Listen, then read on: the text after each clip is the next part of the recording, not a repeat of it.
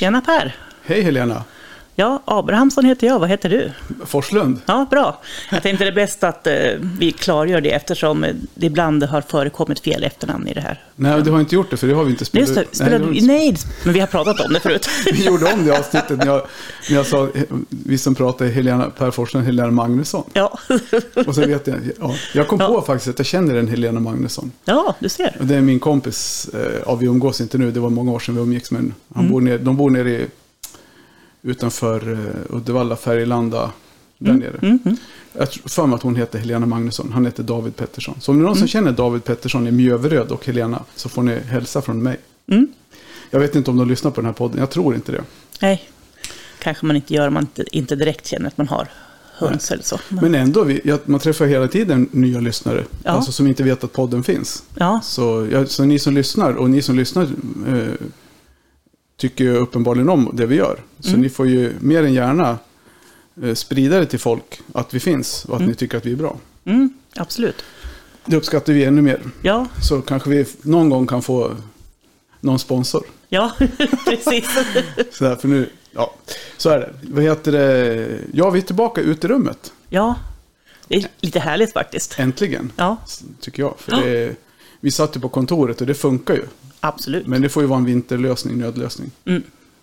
Nu sitter vi, det är ju fortfarande 4-5 minus ute, men jag drog ju på gasolkaminen. sen. Jajamän, det är precis bredvid mig här. Det är så mysigt så. Ja, ja, sen har ju solen legat på här nu på morgonen. Mm. Nu snöar det. Ja, Nordan. det snöar på tvären faktiskt. Ja. Så ja, men det är himla skönt. Det är ljust och fräscht och det är liksom... Mm. Ja, vi har, ja, det är bra. Ja, men det här är vårt Poddrum. poddrum. Ja, Ja. absolut. Och nu kan vi nog köra här ute om det inte är så att det blir 15 grader kallt. Liksom. Ja, nej, då kanske vi kan. Jaha, ja. det. Du, veckan som gått har skrivit upp. Mm. Vad har hänt i ditt, i ditt Eh, liv? Ja, kycklingar. Hade du varit sjuk också efter i förra inspelningen eller var det före förra? Oj, det kommer jag inte ihåg. Du var hemma och var krasslig. Ja, däremot har jag haft lov den här veckan och det har ju ändå varit ganska skönt. Ja, det har inte jag haft, men jag har ändå varit ledig. Ja, ja precis. Ledig från Ledig från det kakellaget. vanliga jobbet, skulle jag säga. Ja, precis. Jobbat, ut, jobbat utomlands. Ja, precis. Eh, Ja, men vi var ju på kakelmässa i Spanien, i Valencia. Mm. Och det var ju en, ja, det är en häftig upplevelse. Mässorna är häftiga. Så Mm. mycket, Mm. man är ju där för att leta. Eh, träffa leverantörer, fabriker, eh, agenter och sen Mm. leta material till ja, framåt. Mm, Vad, vi, vad för nyheter som kommer och sådär. Så, ja, men det Ja, var, precis. Hur, hur, hur liksom är det med trendspaningar, eller ska man säga, är det, är det mycket så, eller är det mer klassiskt? Vad... Nej, men alltså Valencia ligger ju, den stora mässan i kakelvärlden, det är ju den som är på hösten. Mm. eh, I oktober i, i Bologna. Mm. Det är liksom världens, det är inte världens största, jag tror det är världens största. Men i alla fall det är Europas största kakelmässa. Mm.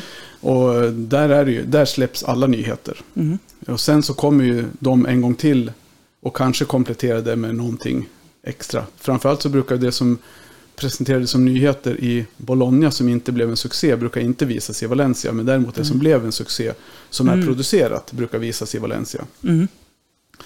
Men, men absolut att det är trender och de fabrikerna visar inte upp, de visar inte upp sina gamla serier utan visar upp sina nya Mm. produkter. Innovationer och alltså för, för min del var det ju en, en otroligt inspirerande resa. Mm. Och de som vill, jag har ju ett LinkedIn-konto, det är öppet att bara följa eh, Per Forslund på LinkedIn. Där lägger jag ut nyhetsbrev och, och skriver lite grann om, om det här hela tiden. Så Mm. Där Mm. finns det lite info Ja. med mycket nya fräscha material. Mm. Men det andra som är intressant med det här i Spanien, alltså vi hade ju nyligen ett salmonellautbrott två gånger i Sverige nu, Mm. på samma hönseri. Japp. Och, så man är ju alltid så här, jag har ju så svårt att äta framförallt ägg och kyck, alltså kyckling när är utomlands. Mm. Men nu, det går inte att ta med sig, jag äter ju alltid ägg till frukost. Ja. Så jag köpte ju ägg och åt i, till frukost. Mm. Och det smakar ju inte riktigt som man är van. Nej. Men, men frågan är ju, smakar köpägg likadant som hemägg? Alltså här i. Sverige tänker Nej, det gör jag. de inte heller. Nej, Tycker så- inte jag. Nej, precis. Jag, jag håller med. Men jag tycker att köpägg i Sverige smakar inte heller riktigt lika som köpägg i Spanien. Det var inte så Nej. att de smakade illa, men det var en smak som jag inte var van med. Men Nej. det gick ju. Mm. Däremot reflekterade jag över, jag vet inte om det är någon som lyssnar som kommer ihåg att jag sa det tidigare, med min corona så fick jag ju att alla ägg smakar svavel. Ja, just det. Ja, men det. Ja. Men det reflekterade jag över nu, Mm. första gången när jag var i Spanien, att det smakar inte svavel längre. Nej, Och inte hemma heller. nej. Ja, det är ju bra i alla fall. Med tanke på att du äter mycket ägg. Ja. Ja, det känns skönt faktiskt. Mm. Så nu smakar det gott igen. Ja, ja, det är bra. Det är bra. Själv så samlar jag ju mest av mina ägg som nu kommer hemma till kläck. Mm. Så att eh, det, det blir inte så mycket äggätande. Nej, jag förstår det. Mm. Men eh, idag då, vad ska vi prata om? Förra veckan hade vi lite frågelåda. Mm. Och vi fortsätter väl med lite frågor, för det kom ju in en, en hel del faktiskt. Mm. Och eh, en del har vi tagit upp och andra försöker vi kanske ta igen eller ge varianter på. Mm. Ja, men framförallt när de är aktuella. Som nu är det ju, Mm.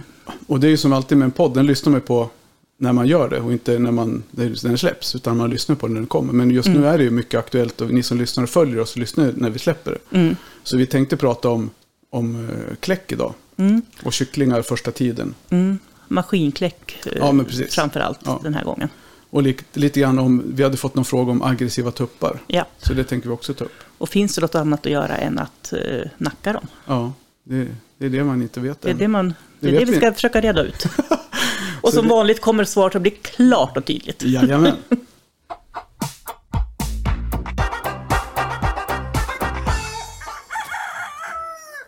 Mm. Ja, vi börjar väl med, med kläck. Vi börjar att kläcka dem. Ja, kläcka. Och då måste vi ha en eh, kläckmaskin. ja, Och rent allmänt så skulle jag rekommendera ett kändare märke och inte en Wish slash Kina-kläckare. För att få ett så bra resultat som möjligt. För det första. Och För sen första. tänker jag för det andra att man har någon att ringa till om det skulle vara något problem. Om man inte Mm. riktigt förstår. Så man slipper vänta på svar i någon Facebookgrupp. Att om du köper en kläckare på ja, men Arctic Hen som, som säljer Brinsea Mm. eller eh, Kovatutto som hon säljer på Högberga. Då har du någon att ringa till och säga hej Högberga Mm. eller hej Arctic. Att nu är det problem med min produkt. Hur ska jag Mm. göra? Och då kan man liksom, ja men så där ska det inte vara, här har du en ny produkt. Eller så här ska det inte vara, gör så här. Mm. Det tycker jag är Precis. ett bra tips. Och att man får instruktioner på, på svenska. Särskilt Ja. om man tycker att engelska är lite svårt. För det, för det är liksom många vad heter det, vad det, eh, Manualer. manualer Ja. precis, finns på, på svenska på de Mm. som säljs här i Sverige. Ja, Av men svenska precis. återförsäljare. Det är ju lite grann ett krav tror jag i vissa lägen att de med CE-märkning och sånt. Att det ska finnas instruktioner på, på svenska. Mm. Mm. Så, så det är väl en bra, bra början att köpa en, en kläckmaskin. Och ska man kläcka, om man tänker sig att man vill göra det mer än en gång. Mm. Så kan det vara bra att, att ta till lite grann i storlek. För att från 10 kycklingar, eller 10 ägg Mm. då, om man säger så, så kanske man får, och säg att du har 50% befruktning, då får du fem, fem befruktade. Och så, av de fem så får du fyra kycklingar. Mhm. Och av de fyra får du två tuppar. Mm. Så, så det kan ju vara bra att ha en kläckmaskin som tar åtminstone kanske 25-30 ägg. Mm. Ja, jag, jag köpte 28 ägg. Nu har jag också, också köpt en 56. Och min allra första, det var väl runt 50 ägg. Ja. Lite mindre avancerad eh, kläckare. Mm. Och sen efter det har jag två Brinsey. Hur många kläckar har du då? Tre. Du har tre? Ja, men vi har ju två. Men, men mest två som jag använder. Ja. Men ni har ju en stor. ja, vi har en stor Brinsea med Ja. fyra eller fem brickor tror jag. Ja, Fyra. Ja, jag vet inte riktigt. Ja. Eh, och sen har vi en Kovatutto som vi har som, vad kallar man det för? Klä, eh, ruvvår. inkubator. Ja, inkubator kan man kalla det för kanske. Eller, ja. Ja, det blir det ju. Mm. Vi ruvar i en och så får de flyttas över sista dygnet eller två dygnen Mm. i tre Mm. dygnen kanske i en kläckare.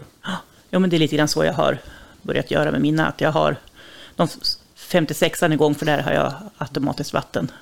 Och varför gör man det då? Jag kan förklara varför vi gör det. Ja. Ja, det är för att vi, om du har till exempel en sån här Brinsea där vi kläcker, då sätter vi, säg att vi sätter i fyra backar då. Mm. Eller om det är fem, det, jag kommer inte ihåg. Eh, och sen har man, man sätter ju inte in alla samtidigt, utan man kan, det som är fördelen med den, så sätter man in olika, nu sitter jag och Mm. viftar med händerna, att man Mm. sätter in med olika tid. Ja. Sen börjar de kläckas där inne, så är det lätt att de, de tumlar runt i den här backen. Då måste man hålla på att öppna och, Ja. och då förstör man ju luftfuktigheten för de som ska kläcka Japp. senare. Mm. Så då gör vi så liksom att vi, vi tar ut en bricka, flyttar över till inkubatorn Mm. och sen får de gå klart i den. Ja. Och då behöver man liksom inte öppna så ofta och, kycklingarna mår, mår bättre. Mm. Jag, jag har ju bara en plans kläckare. Ja, eh, lite mindre sådär. Och, och då, men då har jag ändå så att då kan jag stoppa in en ny Ja, batch tidigare. Ja. Så att de inte, det inte blir så långa mellanrum mellan kycklingarna.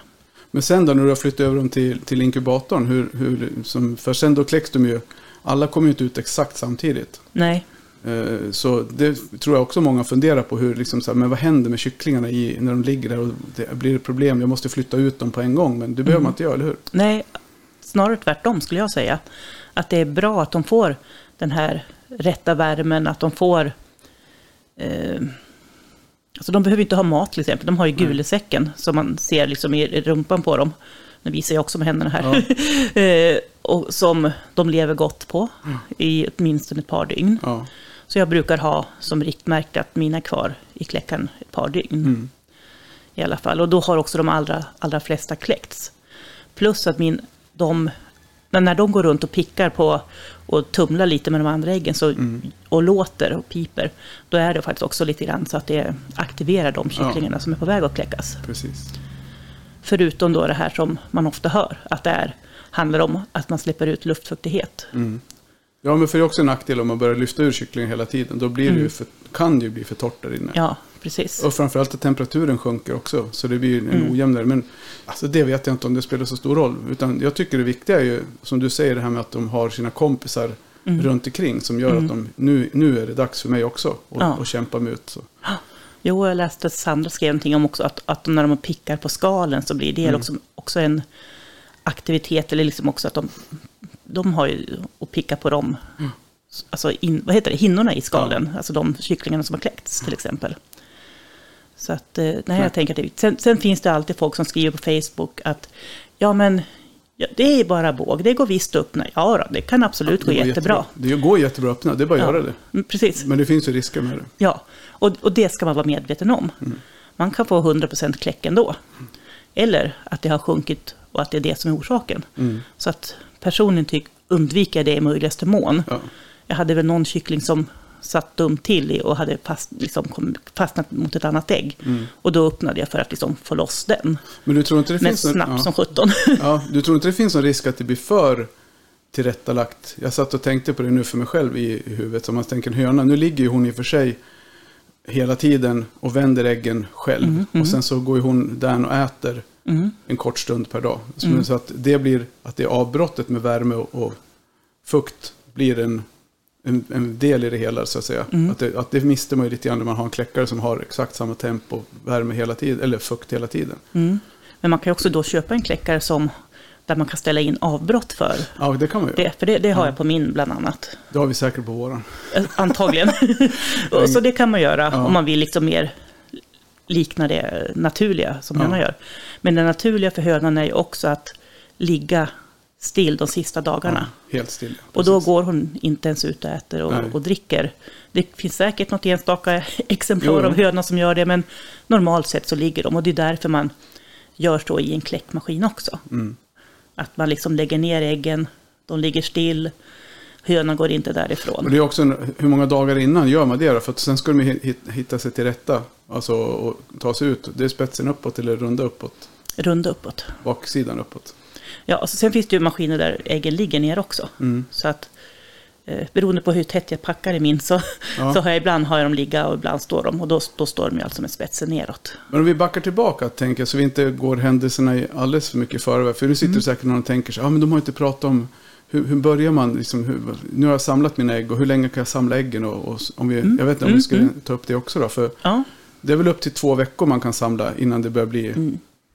ja precis. kris med färskheten så att säga, eller Ja, luftblåsor. och det behöver inte bli kris, men det handlar lite grann om att äggen torkar ut beroende på luftfuktighet där man förvarar dem. Mm. Det är viktigt att man förvarar dem på rätt sätt. Helst inte i kyl. Ja, det går att kläcka ägg från kyl, men eh, vad heter det? Ja, risken att, eller chansen att det blir kycklingar Ja. blir ju mindre, Ja. helt enkelt. Och sen Men- ska man, vända, man ska vända dem. Man ska vända dem och så då har man en...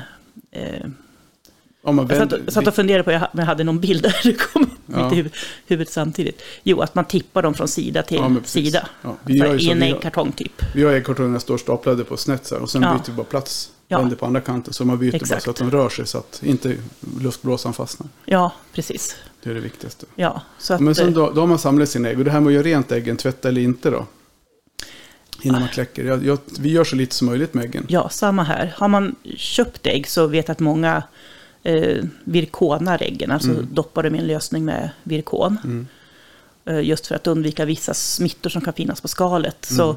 har man köpt ägg så kan man ju absolut göra det. Annars, som du säger, jag gör så lite som möjligt. Men om man får tro Sandra också då, vilket vi gör, Mm. så ska man ju gnugga så lite som möjligt på skalen för att behålla den här skyddande hinnan då. Mm, Så virkonet är egentligen till bara för att på ytan ta bort Ja, eventuella bakterier. exakt. Ja. Och, och det är ingen fara för ägget att man liksom doppar dem så, som enligt instruktionerna. Och då har man gjort det då. Sen så lägger man in dem i, i kläckaren. Mm. Eh, och sen vet jag, vi, det är alltid någon procedur på köksbänken här med någon kompostpåse och en ficklampa. Ja, När gör du det?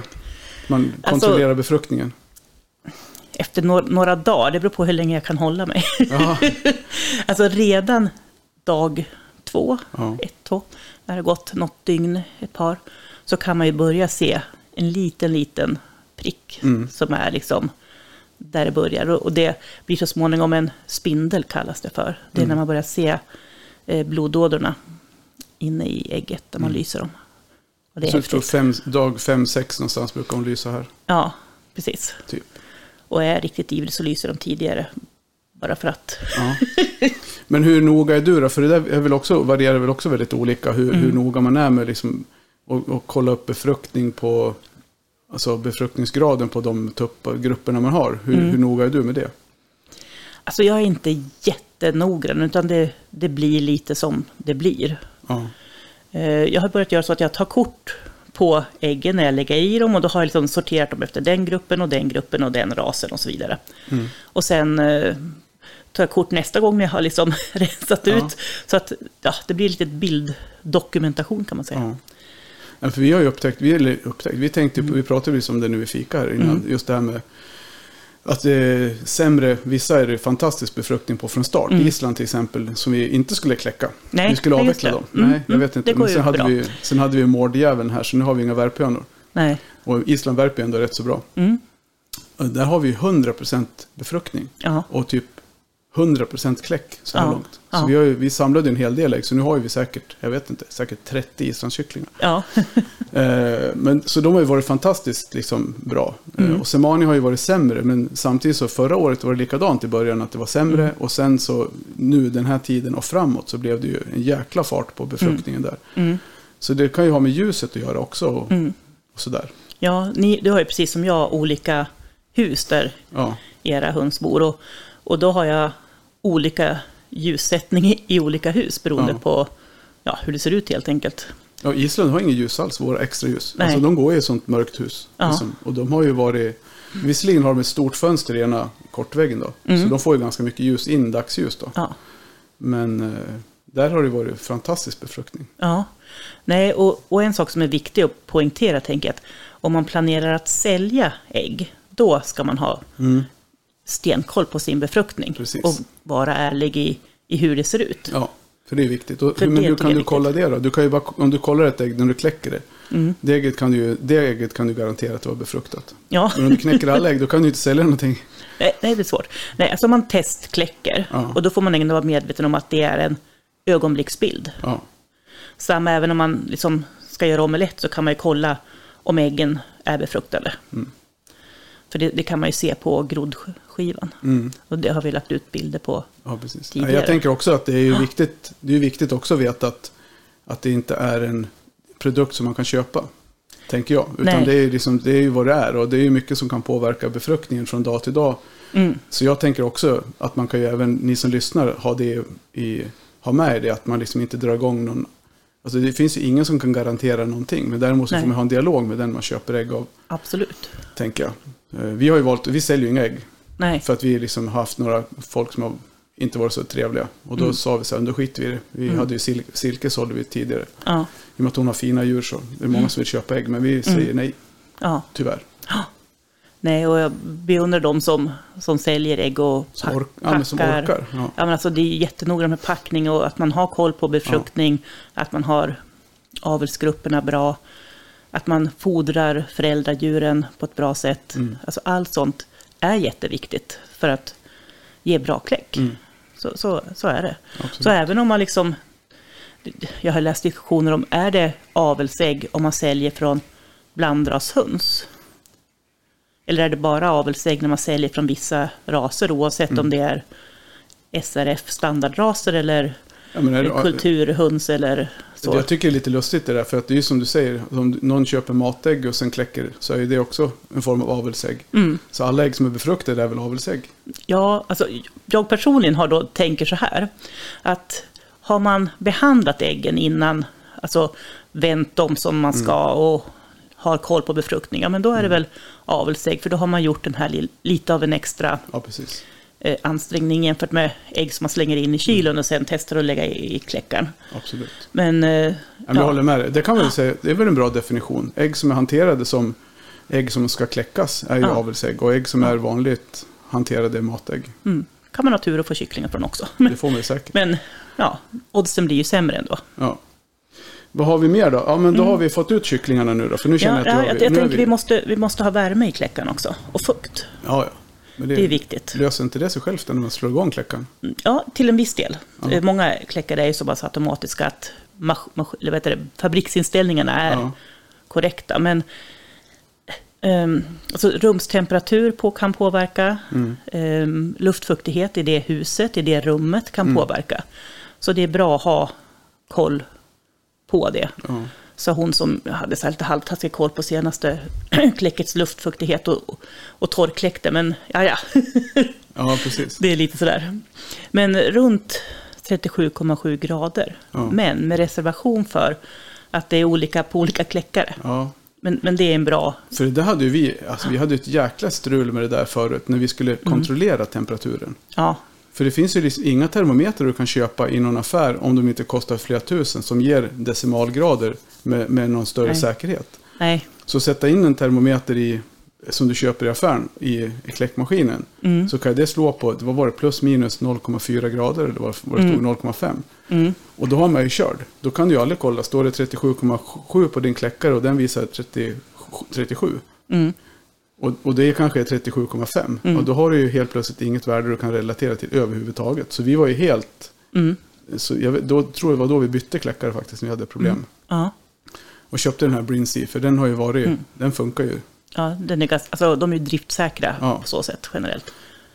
Så ja, så 37,7, 37,8 eller? Är det någon, finns det någon spann där eller? Mm. Ja, ja, ja, men alltså runt 37,7. Sen Mm. tänker jag att någon 0, grad Ja. hit eller dit är inte hela världen. För hön- hönan rör på sig, det händer att något ägg kommer lite halvt utanför någon Mm. gång och, sen lägger det i mitten en annan För det stund. som händer, det som händer, kanske någon frågar nu, ja men vad spelar, tänker, vad, vad spelar det för roll, eller vad är det som händer om temperaturen är ojämn då? Mm. Ja det är väl egentligen det att om temperaturen är lite för låg, lite för låg, Mm. då växer kycklingen långsammare och då räcker inte maten och syret, eller maten i alla fall, i, som jag har där förstått, att de Mm. växer för långsamt. Då är det för hög temperatur så kan de dö, för det första dö av Mm. att det blir för varmt och att de växer fortare, eller? Mm.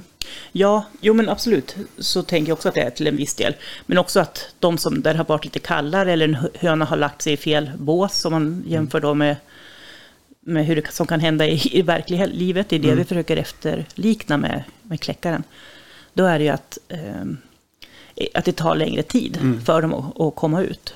De kan absolut komma ut ändå, fast det blir lite senare kläck. Men, eh, Men sen också att det, som du sa tidigare, att det är att, det är, att man har kontroll på klimatet runt kläckarna är viktigt Mm. så att det är jämnt. japp. Det spelar ingen roll egentligen hur det är så länge det inte förändras under kläcket. Nej, Allt för precis. mycket, för det är ju som en höna ligger ju... Mm. Hon ligger på samma ställe. Ja. Och där är ju klimatet konstant. Mm. Om man inte förändrar det som hönshusägare. Men ofta så lägger sig hönorna i en skyddad i ett skyddat hörn av hönshuset. Eller Precis. där de lägger sig. Så de, kan ha kontroll på Ja. omgivningarna. Ja, men exakt. Och, och sen tänker jag att det beror på om man har en kläckare med fläkt, Mm. som till exempel i, i min Brinsea. Sen finns det andra där man inte har en fläkt på samma sätt. Mm. Så att man kan även kolla liksom med vad eh, de som, eh, ja, tillverkarens rekommendationer helt enkelt.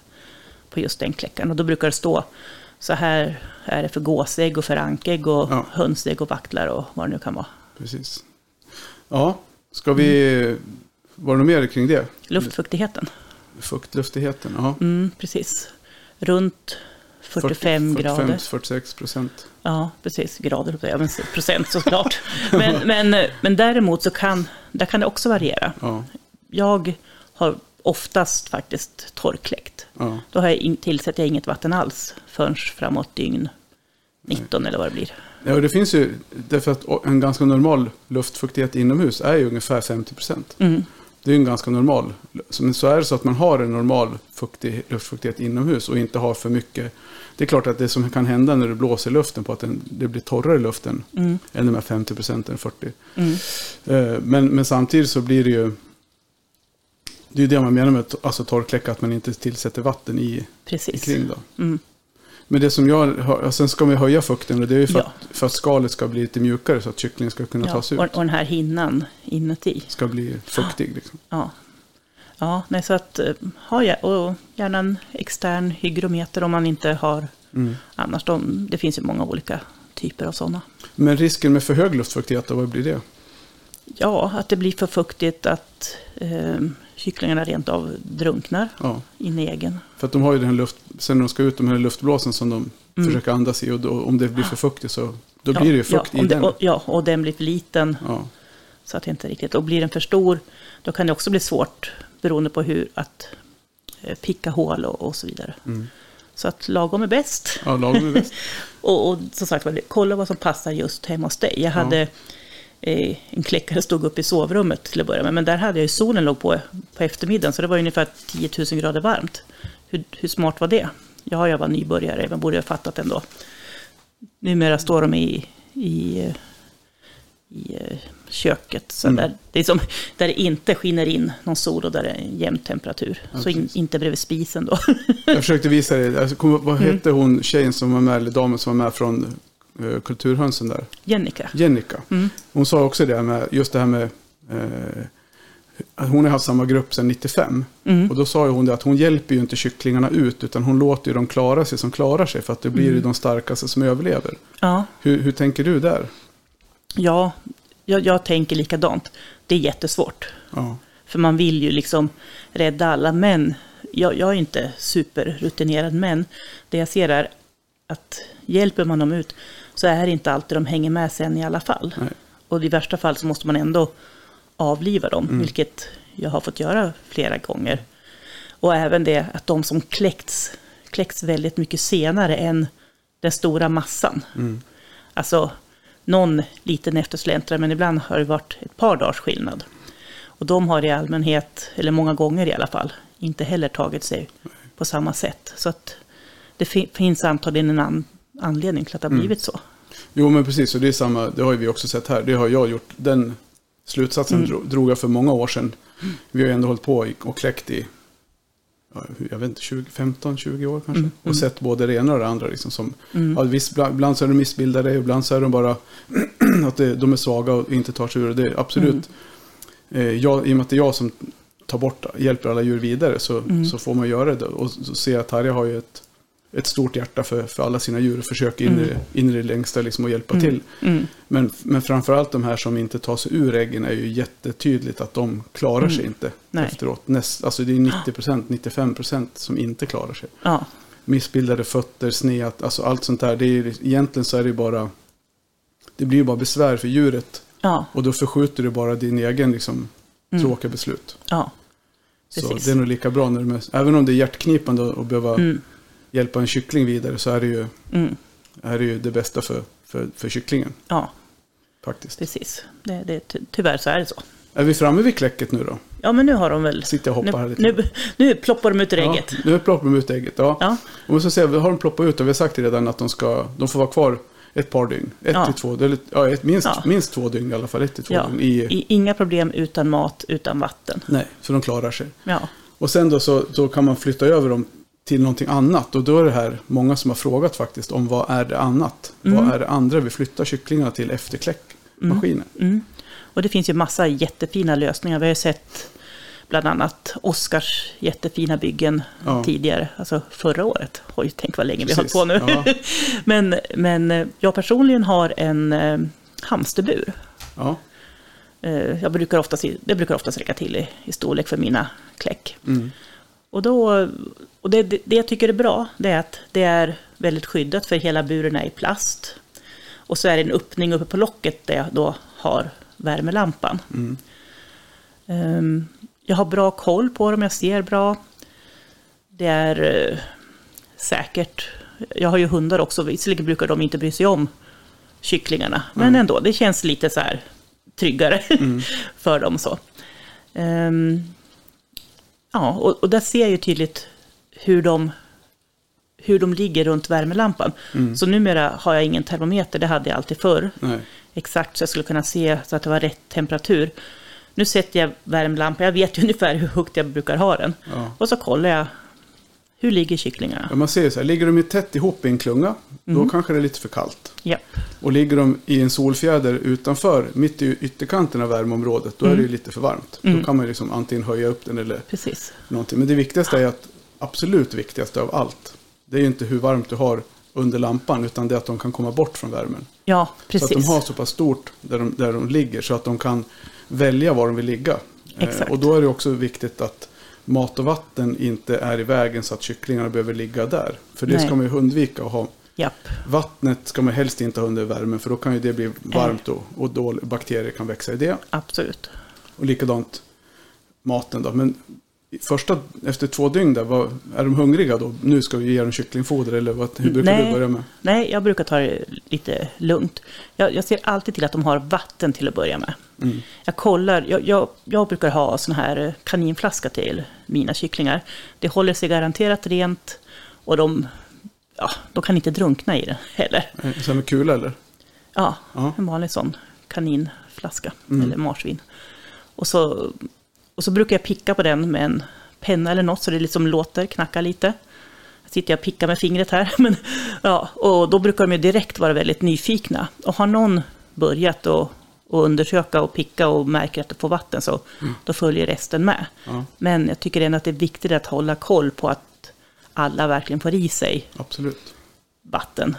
Så man får, man får sitta och studera dem lite grann helt enkelt. Så det, det, viktigaste är ju att ha uppsikt första dygnet. Så att, som, som Ja. vi sa innan när vi fika, som Tarja sa, hon skickade med det. Att Mm. man absolut har koll på att alla får i sig, som du säger också, nu, att alla verkligen får i sig vatten. För att det är ju, Mm. Maten kan de klara sig utan ett dygn till, men, Ja. men vatten är absolut avgörande för att de ska överleva. ja, precis. Och ser man att det är någon som inte riktigt får i sig vatten självmant, då får man faktiskt ge dem vatten så att de, Mm. så att de förstår. Ja, blir, för det räcker med de här timmarna egentligen. Ja, det går ju fort på, en, på små kycklingar. Så att de bara klarar första liksom, tiden så brukar Mm. de snabbt fatta och då är det ju Ja, då är det lugnt. Men jag tror vi brukar nog redan tredje dygnet ställa in en liten skål med kycklingfoder så de kan börja söka. mm. jo men absolut. Och jag brukar kanske vänta några timmar efter att de har Ja. fått vänja sig, att jag har koll på att ja, de är nöjda med temperaturen i, i sin lilla bur. Och då sätter jag in kycklingfoder. Så du gör det i alla fall första dagen, samma dag. Ja, Som, ja. det gör jag. Fast, fast de får börja med att lära sig att hantera vattnet. Mm. Och då, med kycklingfoder, då, vad, vad, vad tycker du, vad använder du där? Jag använder ett foder från Vercelaga som heter ja, äggfoder. Ja, tror jag det heter. Eh, luktar fantastiskt, ser jättegott ut och det får de första tiden. Jag brukar ge dem tills den påsen är slut. okej, ja, en, kilos eller två kilos. en, en kilo Ja. stora. Eh, och då har jag att man har mellan 20 och 25 kycklingar, kanske Mm. 30. Och sen när den påsen börjar ta slut så ger jag ett annat eh, Gold Crumble också, Vercelagas. Ja, det är Gold crumble 1. C. Ja, ja. Ja. precis. Precis, och det är också Crumble kyck- 1 heter det. Ja. Ja, crumble it. För att det är så små pelletsar. Så att de är perfekta för kycklingar. Det är inte heller särskilt bösigt. Alltså in, i- inte som damm eller smulor. Utan det är riktiga pelletsar fast Jättesmå. jättesmå. Ja. Gulliga. ja, men det är vi också. Ja. Och det kan man även ge till, det är vi även till vaktlarna. Och det, Mm. de, det är bra för det är högre proteinhalt i det. ja. Ja, men så det, ja, det är bra. Just att det är så små pellets tycker jag är är bra. ja, precis. Det, det är bra storlek Mm. och bra kvalitet. Så därför använder jag det. Och det får de, ja. Så det får de direkt då första, när de kommer ut första Ja. dagen efter, Någon- någon ja, äggfoder efter, och sen ger dem äggfoder i tre, fyra dagar, en vecka kanske då. Ja, någon vecka Ja. jag. Och sen går du över på, på kycklingfoder. Mm. Ja. Och jag, jag brukar faktiskt byta över där lite långsamt. Ja. Jag vet inte om man måste det, men jag gör det i alla fall. Jag Det, det känns rimligt. Ja, ja, precis. Vi ger, vi ger ju våra lite parallellt. Mm. Både också så jag, för att Ja. Men det, är ju, det där är ju som man gör själv. Eh, Mm. Men vad har du, om man tänker så då i den här, för det är plastbotten, det, vi har ju Mm. likadant. Eh, Vi har ju en, ja, faktiskt en gammal sån här som barnen har på förlossningen. Mm. Så plastlåda. Ja, Eh, och som vi lägger någon, någon sånt här, vad sa var det kissskydd de sa som hund, ja till, hund, sån här, som till valparna? Ja, till valpar. Här små pads eller vad man ska kalla det för. Sån har vi i botten för att det inte ska bli halt. Och sen Mm. Handdukar eller nu har vi börjat lägga iseströ uppe på. Mm. Gör med händerna. Ja, Iseströ uppe på just för att vi tänker på det Erik sa. Mm. i ett av de första avsnitten med bajsproppar. Mm. Det var ett väldigt bra avsnitt för övrigt. Så om Ja, ni inte har kan- lyssnat på det så kan jag rekommendera det. Ja, Så, så där eh, gör vi för att undvika att de får de här bajspropparna. Så är ströt Mm. väldigt bra. Plus att det suger upp så bra så att det luktar väldigt. Annars kan det, har man 30 kycklingar liksom, eller 20 Ja. kycklingar så det blir ju ganska fort lukt. ja, precis. Och vi har dem ju i anslutning till RUV, ja, till inkubatorn då, så Mm, vi kan flytta över dem under kanske, ja, det kanske blir två flytt eller ja, Mm. något sånt där, beroende på hur fort de kläcks då. Mm. Och sen så, då har man dem i anslutning till den. Men sen har inte vi något inne särskilt länge i, i huset. Nej, Och inte, hur, hur gör du där? Jag har dem nog aningen längre än er, men jag har lite kallare Ja, eh, uthus också. Ehm, men det- som är viktigt är ju att de har sin värmelampa Ja. eller värmetak. mm. Det måste de ha. värmekälla helt enkelt, vilken, Ja. vad som. Och, och det räcker liksom inte med ett element på väggen i rummet, utan de behöver ha den här direkta s- Ja. alltså strålningsvärmen, eller vad ska man säga. Och motsvarande en höna som de kan krypa in under. Ja, för att hönsen har ju liksom flera av sina inre organ upp mot ryggen. Mm. Och då, då tål inte att bli för kalla. De, och de kycklingarna har ju bara dun. Det går fort, alltså det, det Ja, ja, ser man ju om någon lampa går sönder. Alltså någon timme så är de ju döda. Mm. Några, någon, någon timme, det beror på hur kallt man har i där de är. Då, men, ja, precis. alltså, vi satt och pratade om det nu. Vi har dem ju inne tror jag tre dygn kanske. Mm. Typ tre, fyra max. Mm. Eh, och, och just för att det blir, de blir så pigga och alerta så de får runt så mycket så den här Ja. baljan räcker liksom inte riktigt till. Nej, Och sen så har ju vi, och- vi tycker också, eller jag tänker så, att jag försöker ha dem på en begränsad yta. exakt. när vi flyttar dem. Oavsett Mm. alltså när vi flyttar ut dem till stallet. Så, och det vet jag, en, den här tjejen som frågade om det här. Hon fick Mm. ett svar både dig med långa och Mm. utförliga Ja. svar. Eh, och då, just då som jag skrev till henne, som att man behöver inte göra, nu har jag byggt väldigt avancerat med två, med Ja. två våningar och så här.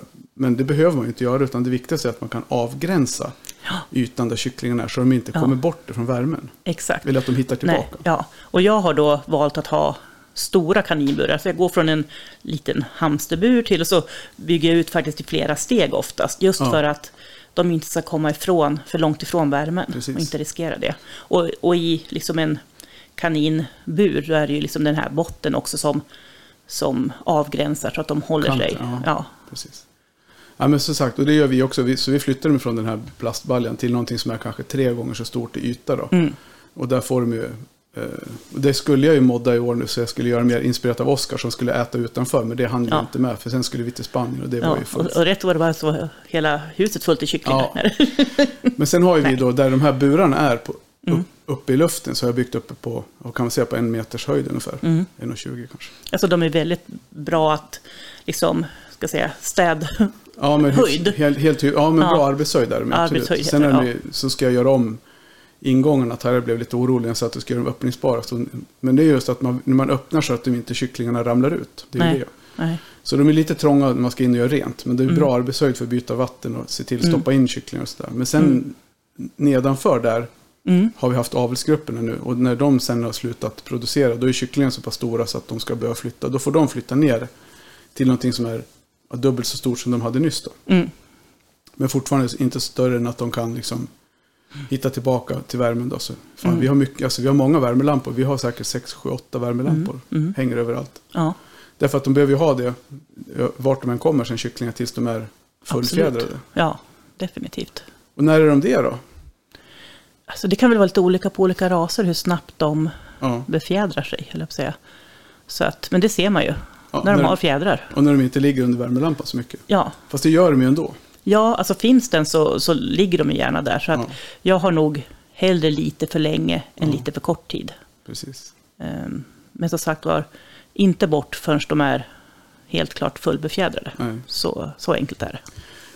En annan sak som jag tänker på med värmelamporna, det är att det, är, ju, är det någonstans man ska hålla rent så är det under värmelampan. För är det någonstans det växer bakterier så är det ju Mm. Ja. under värmelampan. Ja, Så verkligen. där är det verkligen viktigt att man tar bort alltså allt som är fuktigt. För så fort det blir fuktigt så blir det ju, kan Mm. det börja hända grejer. Ja, verkligen. Så det är väl det viktigaste jag tycker. Mm, mm. Eh, att man försöker åt kycklingarna hålla rent. Kanske lite mera, ännu viktigare hos kycklingarna än hos Ja. de vuxna djuren. För att det är ju någonting man kan få som inte är så kul och det är ju kokidios. Ja, Och får man det, och det får man ju från träcket. ja eh, absolut. Från bajsen. bajset. Mm. Och, och, och det är ingen rolig att få in i en kyckling. Nej, alltså Så. jag, jag hade fått, jag fick det för några år sedan. Ja. Ehm, Jag tyckte jag hade rent, men tydligen inte Nej. tillräckligt. Eller om det av någon annan anledning blev så. Men, men, eh, så jag fick flera, säkert utav samma ras då, som Ja. eh, blev dåliga. Ehm, Men jag var ändå ganska snabbt på det, så jag kunde medicinera. Mm. Och så flyttade de till en annan, ett annat hus. ja, precis. Och, och, och, de, och de som klarade sig och de som han får medicin, Mm. det gick ju bra. Men, men man vill inte det, för de sitter hopburrade, ser jättedåliga ut. Ja. Och kan Och dö om dör man inte, fort, om och man sen inte hjälper dem. fort, Alltså, absolut, och de dör ju fort om de får det. Då kan, Mm. det gå, då kan ju liksom typ 10-15 kycklingar dö på några dagar. Ja, Om det går för långt. ja, precis. Så att det, det Men viktigt. knep för att undvika det, vad jag har läst mig till, det är väl att man har någon form av lite syrligare, alltså så surare miljö för magen. Alltså Mm, att man inte mm. har, som typ i vattnet, att man har droppar, någon droppe vinäger eller citron ja. eller... Äppelcidervinäger brukar Ja. jag köra. Precis.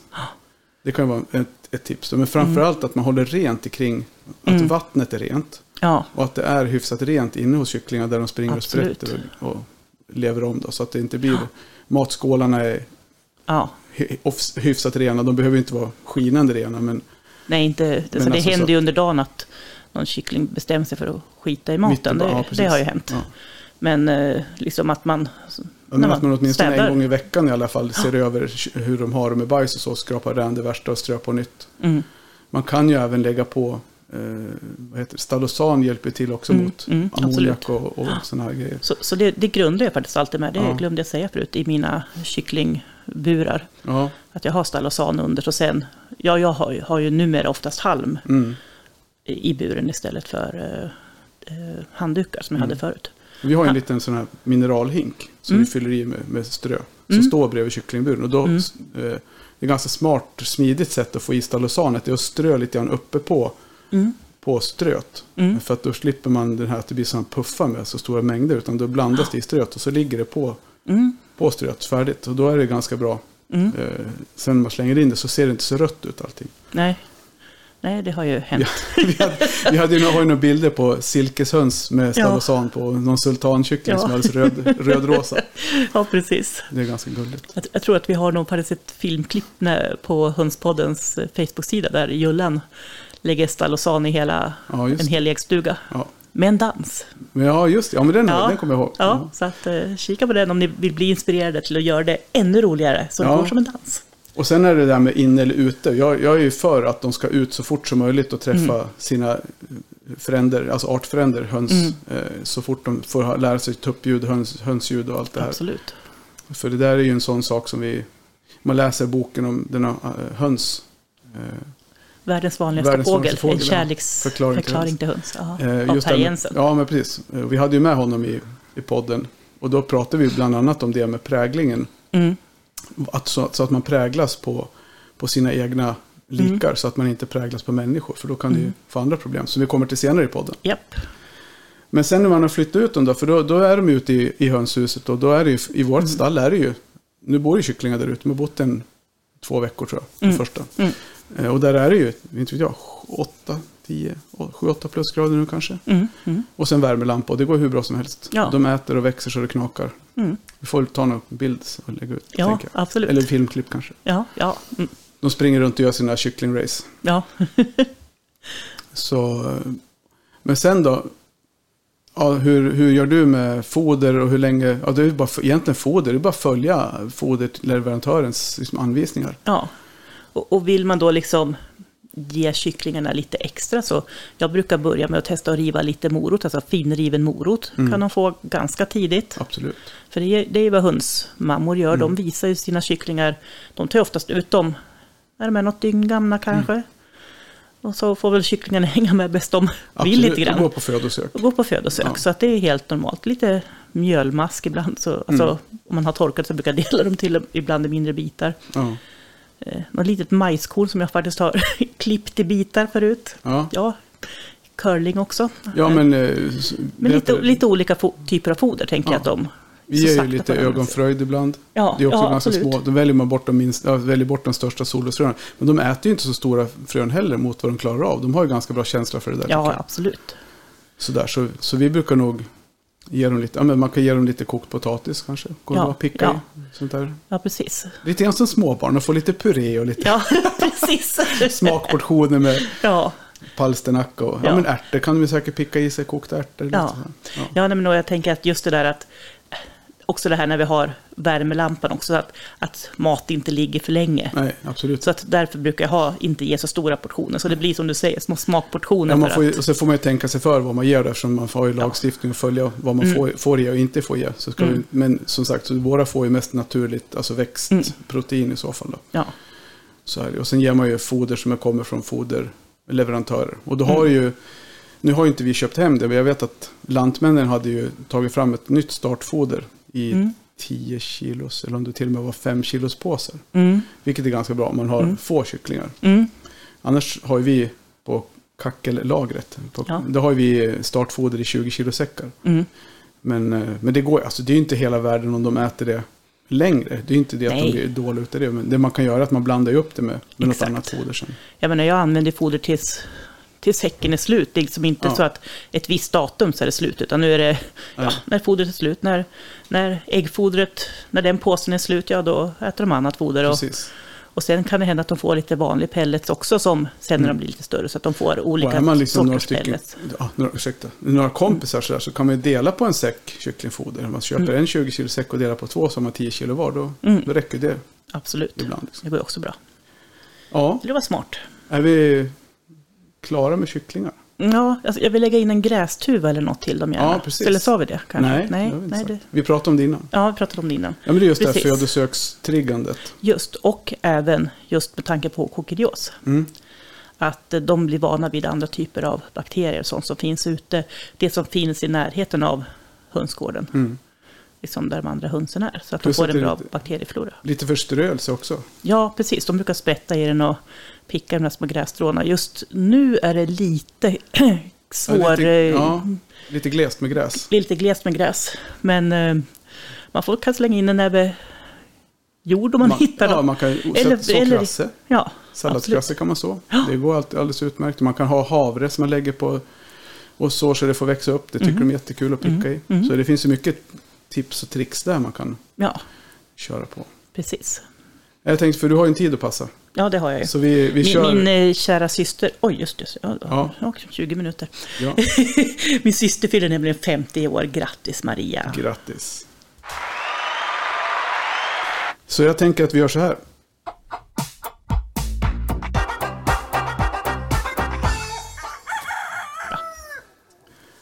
Ja, men ja, du, så, så du ska på lite kalajs. Ja, det ska jag. Ja, vad trevligt. Ja, det blir trevligt. Själv ska vi på kalajs på tisdag. Oho, Ja, då är det en kompis som fyller år. ja, Så det blir nice. lite tårta och kaffe och tårta. Du Ja. ska nog följa med du med kanske. Mm, det låter ju trevligt. Vi får se. Det tar vi efteråt. Ja, Eh, en annan fråga som vi har fått flera gånger och som är väldigt vanligt förekommande på Facebook. Mm. Vi har pratat om det en gång förut, minst en gång förut. Det är aggressiva tuppar. ja precis. Och, och Jag lovade att du skulle återknyta till det här Precis. med prägling. Ja, Och det var egentligen det som Per Jensen sa. som han sa. Och han sa det med, med den auktoriteten han är, som han Mm. ändå är. Ja, han är ju etolog och forskare. Han är professor till och med. Ja. Han har ju forskat på höns i USA i 30 år. Ja, och även väldigt stor inom Hundar, hund, ja. hundars beteende. Jag hittade en bok av han. Ja. Ja, just det, som du hade här hemma jag har, redan. Jag köpte Ja. någon gång för länge sedan. Eh, jo, och det är ju det här med präglingen som han sa. Det enda han har kommit fram till vetenskapligt mer eller mindre som han Mm. har konstaterat. Det är det att de första, det första de, man, de präglas ju någonting. Jag kommer inte ihåg hur han uttryckte det med den präglingen som är det första som sker när de kommer ut ur ägget. ja 24 timmar har jag för mig Ja. ungefär. Vad den, Där någonstans. Och då präglas de ju på det de ser.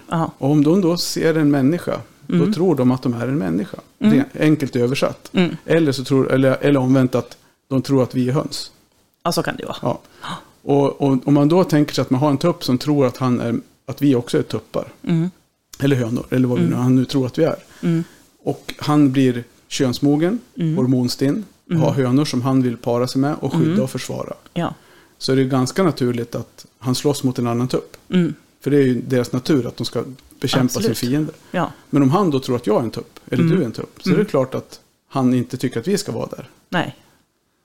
Så, Precis. så det tog jag som en, alltså för mig så blev det en sanning, det Mm, han sa där. mm, Inte mm. bara som en teori, utan det, för mig så är det så att det är en, eh, största delen i, i det här att de präglas på människan. Mm. Så att de tror att vi är som dem. Mm.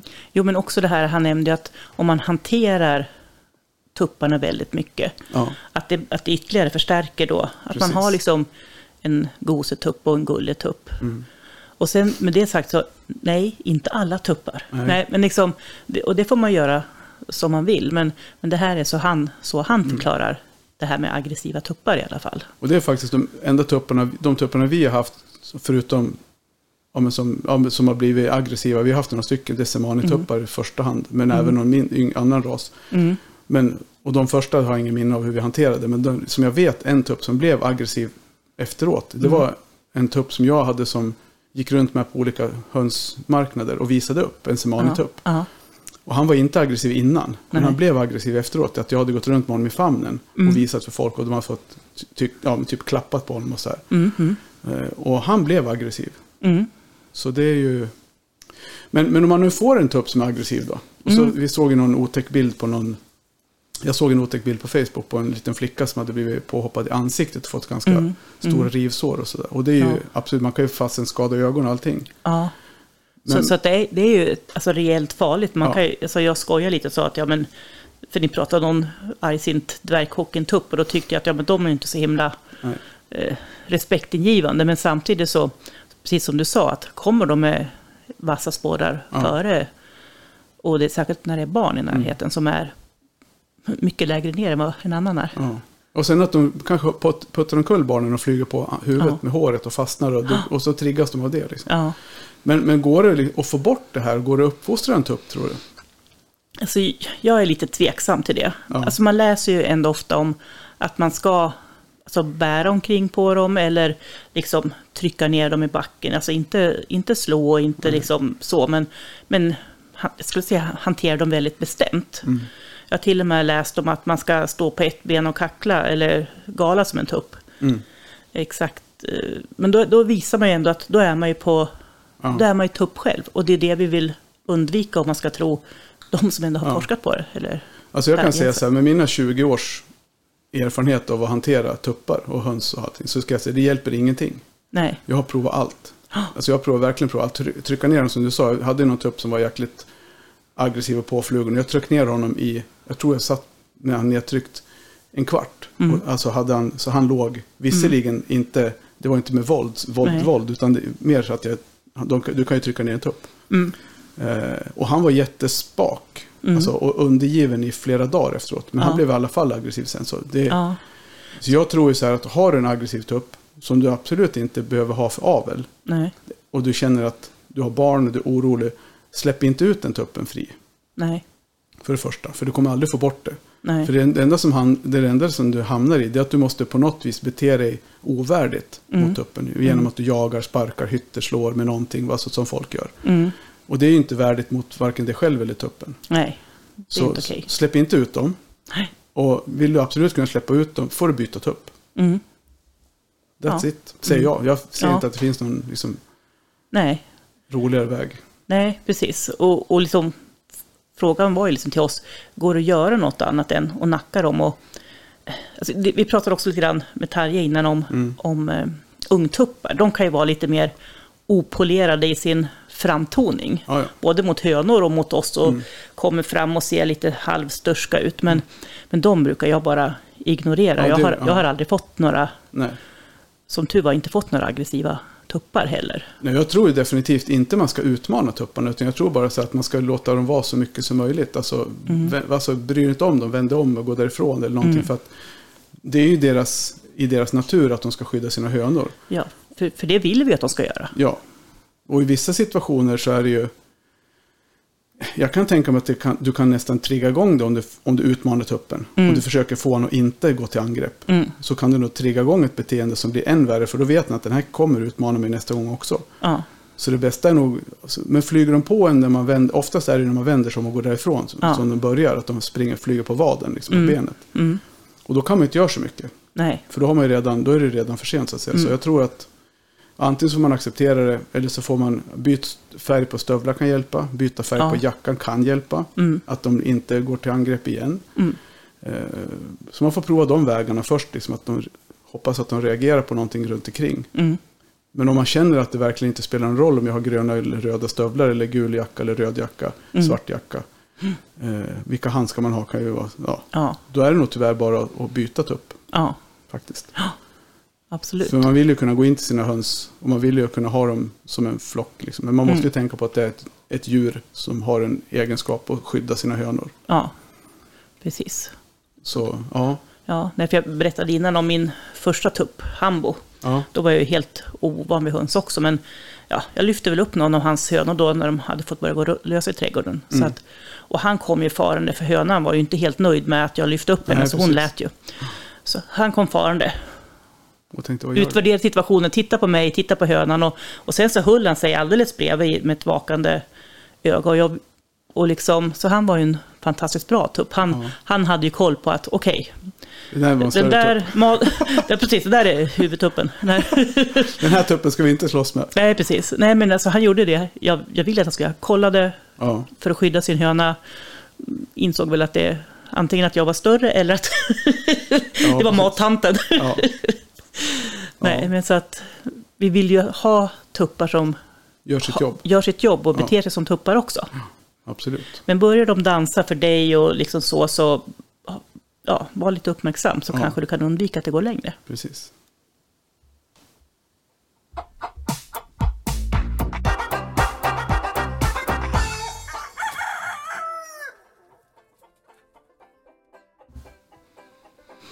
Jäklar vad jag har pratat idag. Nu har du pratat mycket. Ja, men vi, Ja, det var ju bra. ja, vi- vi sa det att det här blir nog ett kort avsnitt, men vi är uppe i en timme. Ja, Och det gick ju fort. för, för jag tänkte att jag hade lite bråttom, men det, det ordnar sig Det nog. blir lite sent i kalaset. Jajamän. det gör Vad tur jag tog på mig klänning innan i alla fall. Ja, ja du är så fin. Ja. Ja. tack. Eh, ja, det var det. Mm. Och vi, jag skrev upp också att vi hade duvhöken på besök, men det får vi ta nästa avsnitt. Ja, Och så skrev jag upp visor, hönan Agda, och det får vi ta nästa avsnitt också. ja. Men däremot så jag får, Björn han var helt inne på att vi skulle köra hönan Agda som en, som en tribute till Hönspodden. ja, men det är klart ni ska. Vi vill ju ha fler lyssnare på visor, kort och gott. Ja. Vår podd om visor. Ja, jag, jag har lyssnat på den Ja. och jag tyckte att det är väldigt intressant, för jag gillar ju det här att det blir lite historia, lite snack kring personer och, Ja. och händelser. Så att, eh, ja, det tycker jag är jättekul. Och det kommer bli lite varierad grad kan jag säga. För det, Ja. vi spelade, nu spelade vi in tre avsnitt på raken och vi var helt manglade i skallen efteråt. Så, Ja. så vi var väl... Ja, men det kommer bli. Det är det som är tanken. Att vi Ja, och sen musiken också naturligtvis, men Ja. det, det säger sig ju liksom självt. Jag gillar det här mervärdet om man säger så. Precis. Mm. Ja, nog om visor och poddar med det. Så ska vi släppa iväg dig på 50-årsfirande. Jajamän. Och tacka våra lyssnare för den här gången. Tack ska ni ha hörni. Vi hörs. Det gör vi. Hej hej! Hej.